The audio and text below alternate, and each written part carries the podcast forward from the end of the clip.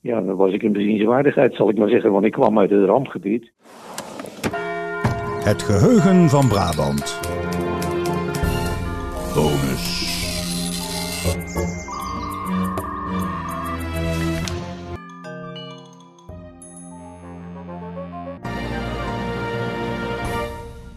Je luistert naar een bonus bij onze aflevering over de watersnoodramp van 1953. Marilou belt met Kees Slager en praat dit keer verder over zijn eigen herinneringen aan die nacht en de lange naslepen van. Wij van het BIC willen graag weten welke archieven hij heeft geraadpleegd. En hoe slaapt iemand die vanuit zijn slaapkamer uitkijkt over de Oosterschelde in de nacht van 31 januari op 1 februari? Met Kees Slager. U heeft de ramp geschreven, de reconstructie van de watersnood in 1953. En u was zelf 14 jaar destijds. Dat klopt, ja. ja. En u woonde in, in uh, Scherpenisse, een dorp dat wel gespaard bleef. Maar ik vroeg me af, hoe ging het dan destijds, als ik even terugga naar 1953, kon u direct ook weer naar school bijvoorbeeld? Ik kon niet meteen naar school, en ik woonde weliswaar op een dorp dat niet door de ramp getroffen is, maar rondom waren de polders allemaal stonden onder water. Dus het heeft een één of twee weken geduurd voordat ik uh, de mogelijkheid had om vanuit het stadje Tolem. Ik zat toen in Bergen op Zoom uh, op het Moller Lyceum. En uh, ik moest daar zien te komen. En de, de, de, polder tussen Tolen en Halsteren, dat is de polder die ook helemaal onder water stond, waar heel veel mensen verdronken zijn. Die kon je dus ook niet meer overkomen. Maar toen was er de mogelijkheid dat uh, je met een, een een, een uh, amfibievaartuig, dat zijn ja, een soort militaire voertuigen die zowel kunnen rijden als varen. En die hadden toen een soort busdienst, zal ik maar zeggen, tussen Tolen en Halsteren ingesteld. En ik kon toen logeren bij een, een nicht van me die in Tolen woonde. En ging dan elke dag met, met de duik naar Halsteren en met de bus naar school. En ja, toen ik daar de eerste keer kwam, toen was dat natuurlijk wel een. Uh, ja, dan was ik in bezienswaardigheid, zal ik maar zeggen, want ik kwam uit het rampgebied. Ja. Alleen ja, toen ze dachten dat ik allerlei dramatische verhalen uh, kon ophoesten, toen bleek dus dat ik helemaal niks. Nou ja, niks, dat is, niet, dat is overdreven, ja. maar ik had, ik had in mijn eigen directe omgeving geen uh, slachtoffers meegemaakt. En op ons dorp was ook verder niks gebeurd. Dat wil zeggen, de dijk had het bijna begeven, maar hij heeft het net gehouden. Ja. Als je zo diep in de materie zit, staat u dan ook wel eens bij stil bij het feit dat, het, ja, dat je lot dan op dat moment aan een zijden draadje heeft gehangen? Nee, ik was veertien, dan, dan denk je daar niet aan op dat moment. okay. Nee, ik was binnen de kortste keren was ik, uh, ja, was ik uh, helemaal in de ban van wat er allemaal om me heen gebeurde. Kijk, de, de, de boeren uit de polders die, die onderliepen, die allemaal met hun vee naar het dorp kwamen. Dat dorp lag wat hoger, we hadden de zogenaamde Hoge Markt. Nou, die stond helemaal vol met koeien en paarden en, en, auto's van, van boeren. En die, uh, ja, het was een drukte van je welste. En als je dan veertien bent, dan is dat uh, spannend en dat is avontuur. Ja. Ja. Dus ja, voor mij was de ramp vooral, uh, ik kan het niet anders zeggen, dan een avontuurlijk gebeuren. Want na een paar dagen begonnen dan vliegtuigen over te vliegen die dan nog uh, uh, zakken met brood of boter dropten. Nou, het woord droppen, dat was al een heel nieuw woord natuurlijk, maar ja. zo ging dat maar door. Ja, ja. En, en wanneer ja. nam het leven dan weer zijn gewone gang voor uw gevoel? Ja, dat, dat is toen de polders rondom ons dorp uh, weer waren drooggemalen. Dat is betrekkelijk snel gegaan. Dat is in de loop van maart gebeurd. En de, vanaf dat moment dat je, weer over, dat je weer gewoon op de fiets naar Bergen op Zoom kon, ja, dan was het voor mij eigenlijk uh, niet zoveel meer aan de hand. Maar nogmaals, dat was uh, mijn geboortedorp. Hè? Ja. Er zijn dorpen waar het veel erger is geweest en waar het ook veel langer uh, ellende is geweest. Ja, ja. Hoe, hoe, ging dat dan op school? Wat, zei de, wat werd er op de, in de les, werd daar nog veel over gesproken of niet? Ik kan het niet meer herinneren. Ik weet wel dat uh, gewoon klasgenoten die, uh, die, dat die bij mij vroegen van wat ik had meegemaakt. En, mm. en ook de, de docent wel, de docent aardrijkskunde was dat geloof ik, die geïnteresseerd was. Maar ja, ik kon alleen maar zeggen wat ik kon zeggen. Nou had ik wel wat meegemaakt, ik, want ik was met mijn vriendjes de eerste dagen naar aanpalende dorpen gelopen. om te kijken wat daar was gebeurd. Want daar waren dan de vloedplanken doorgebroken en was het de, dat water als een, gek door zo'n straat aan de haven naar het dorp toe ge, ja, geklost. Mhm. Waarbij uh, alle straatstenen verdwenen waren en zo'n straat ineens een soort rivierbedding leek. En daar heb ik ook voor het eerst gezien dat daar uh, een auto kwam. Nee, een boerenwagen met daarop een, uh, onder een doek het eerste lijk dat uit de polder daar kwam. En dat werd daar binnen geschoven door een, een opgeschoven raam in een van de huizen. Dus ja, ik wist wel wat er aan de hand was. Alleen ja, toch een beetje tweede hand, zal ik maar zeggen. Ja, ja. ja. Eh, u heeft ook zoveel opgetekend. Ik kan me ook voorstellen, je zit zo in dat verhaal. Wat betekent dan zo'n nacht van 31 eh, januari op 1 februari voor u persoonlijk? Heeft dat nog een lading? Ja, ik denk er altijd aan. Ik bedoel, dat, ik weet maar altijd goed wat er gebeurd is. En dus is 1 februari wel een, hoe noemen we dat, een mijlpaal, zal ik maar zeggen. Maar niet omdat ik dat persoonlijk zo heb meegemaakt, maar omdat ik daarna met al die mensen heb gesproken die wel slachtoffer waren over die kinderen verloren zijn, die, nou ja, die familieleden verloren zijn, die uh, vreselijke uren hebben doorgemaakt. En dat weet je toch allemaal, dat kun je niet meer ontkennen. Nee, en dat speelt dan op, op zo'n nacht extra een rol, kan ik me voorstellen.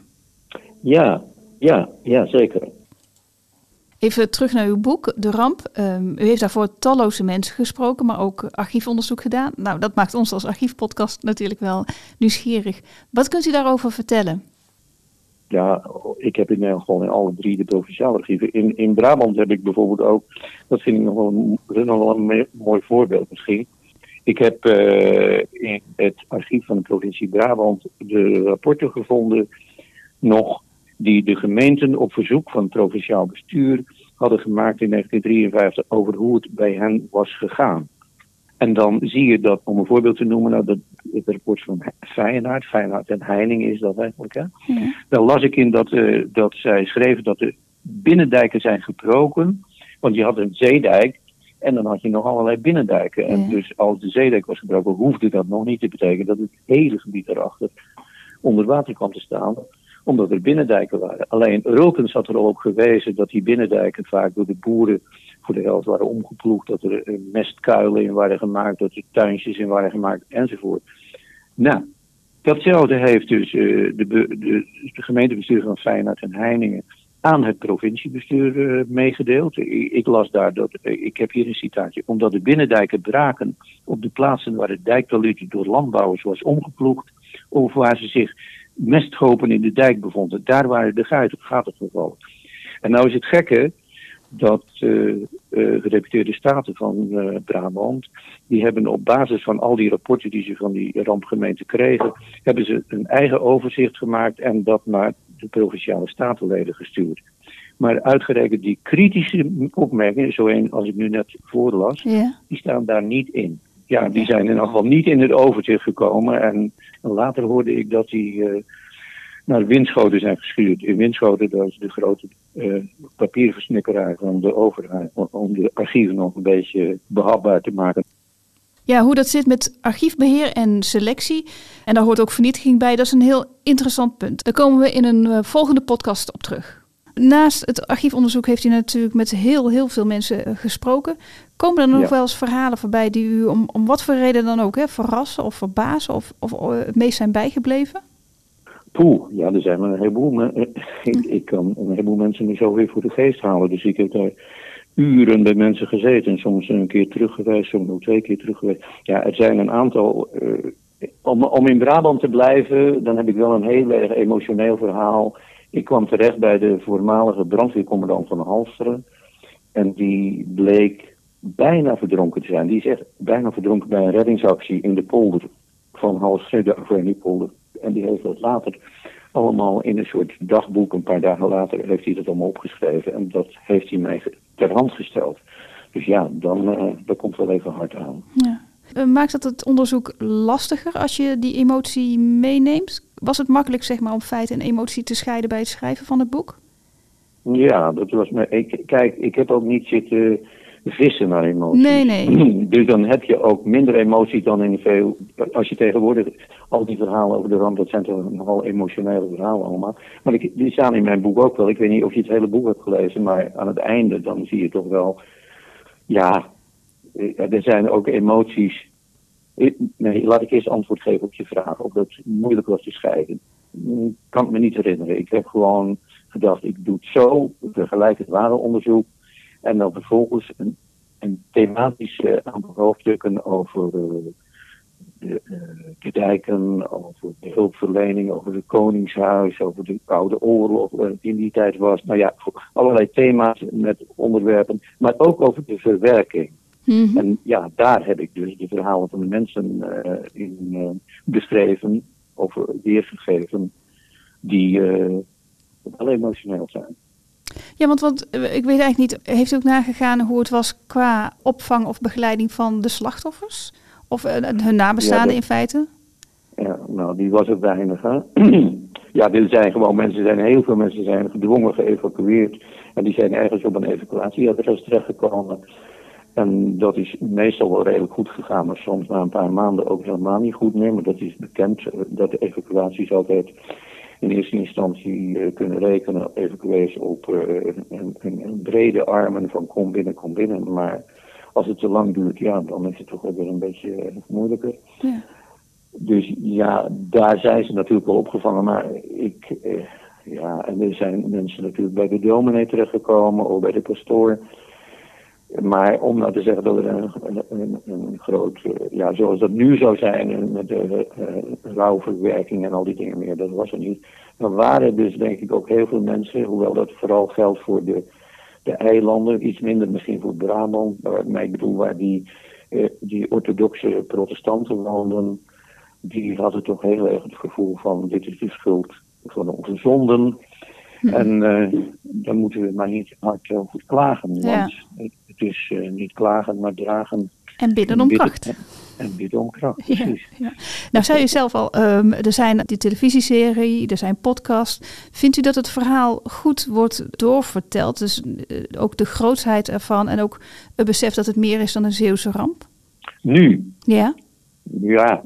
Ja, kijk, ik heb in elk geval het, het prettige gevoel dat na mijn boek, wat toen in, in 2009 uitkwam, dus in elk geval de ramp niet meer wordt afgeschilderd, ook niet in de officiële geschriften, als een onafwendbaar natuurgebeuren. Mhm. Dat, men in de, dat men in de gaten heeft, er is toen heel veel fout gegaan wat beter had gekund.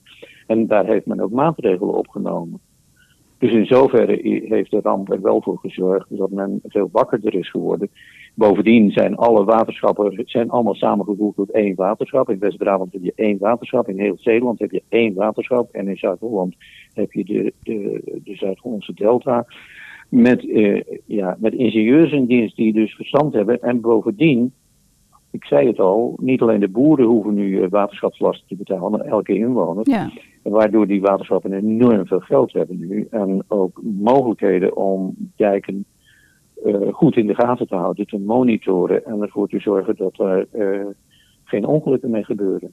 Ja, nou ja, ik woon zelf in, een, in het oude stoomgemaal aan de Oosterschelde. In- Mijn huis staat half in de dijk van de Oosterschelde.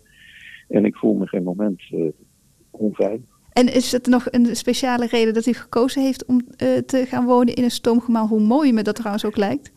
Ja, nou, ik wou ontzettend graag aan de Oosterschelde wonen, want daar heb ik eh, aan mijn jeugd aan doorgebracht. Ik heb erin leren zwemmen en ik, was, eh, ja, ik, eh, ik, ben, ik ben teruggekomen. Ik heb jaren in Hilversum gewerkt en in Zeeland gewoond. Dat is op zichzelf wel belachelijk natuurlijk, dat je zo enorm een pendelaar bent.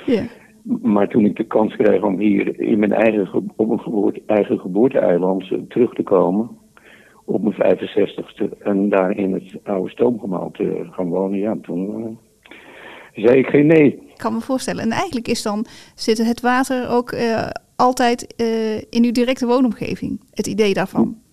Jazeker, ik kijk uit vanuit mijn eh, slaapzolder over de Oosterschelde. En bovendien, de naam van het, het stoomgemaal is Oosterschelde. Dus ik woon niet alleen aan, maar in de Oosterschelde. Hoeveel mensen kunnen dat nou zeggen? Niemand. Niemand. Nee. Mag ik u hartelijk danken voor het hele interessante gesprek. Geen dank, succes ermee. Oké, dank u wel. Dag. Je luisterde naar een bonus bij onze aflevering De Vergeten Ramp, de watersnood in Brabant. Benieuwd naar die uitzending? Ga dan naar big.nl slash podcast. En daar vind je nog veel meer leuke afleveringen.